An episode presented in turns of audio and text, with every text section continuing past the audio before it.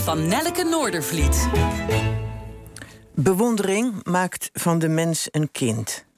Dat besefte ik toen ik hoorde dat Hilary Mantel was overleden. Vanaf het moment dat ik kennis maakte met haar werk, zag ik haar als een voorbeeld. En voorbeelden zijn altijd ouder, wijzer, volmaakter. In ieder geval dacht ik mijzelf jonger dan zij. Maar zij was zes jaar jonger dan ik. Dat vind ik een vreemd idee.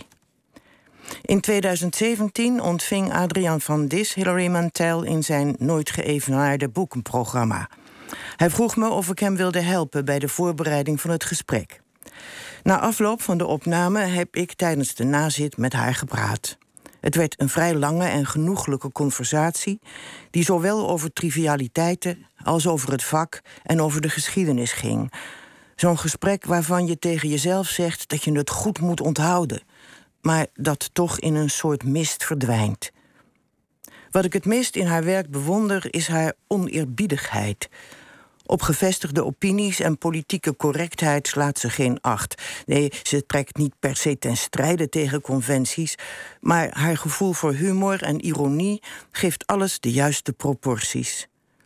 Zonder schroom betreedt ze het terrein van historici en stelt haar eigen visie als gelijkwaardig en competitief naast die van hen.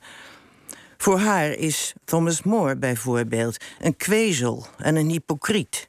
Cromwell een hoogst intelligente opportunist.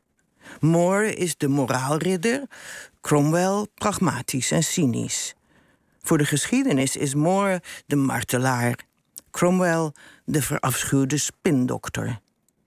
Mantel heeft sympathie voor Cromwell, maar minder voor More. Haar stijl is heel direct en nabij, nooit gewichtig of plechtig.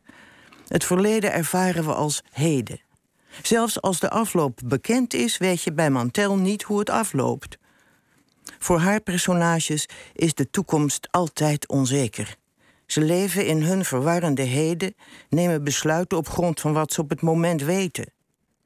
Haar beschrijving van de helden van de Franse Revolutie in A Place of Greater Safety trof me alsof opeens het licht aanging in een duistere kamer. Ze waren zo jong, ze waren zo bloedjong, die jongens. Enthousiast en onverantwoordelijk, zoals heel jonge mensen moeten zijn.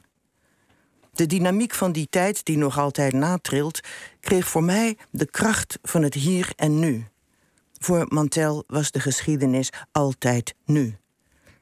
Hilary Mantel is overleden. En zo beschrijft ze de allerlaatste momenten van Cromwell. Hij is vervlogen. Hij is het glibberige plaveisel. Hij is de laatste vage rimpeling in zijn eigen kielzog. Hij tast naar een opening, blind, zoekt een deur, volgt het licht langs de muur. Ja, dankjewel, Nelke. Zo. Ja. Dat is gezegd. Dat is gezegd. En voor de Montel-liefhebbers zijn natuurlijk haar boeken er nog steeds. Maar uh, uh, mocht u nog meer willen... Matthijs Deen interviewde haar ooit ook voor OVT, voor het spoor. En uh, dat is terug te vinden op vpro.nl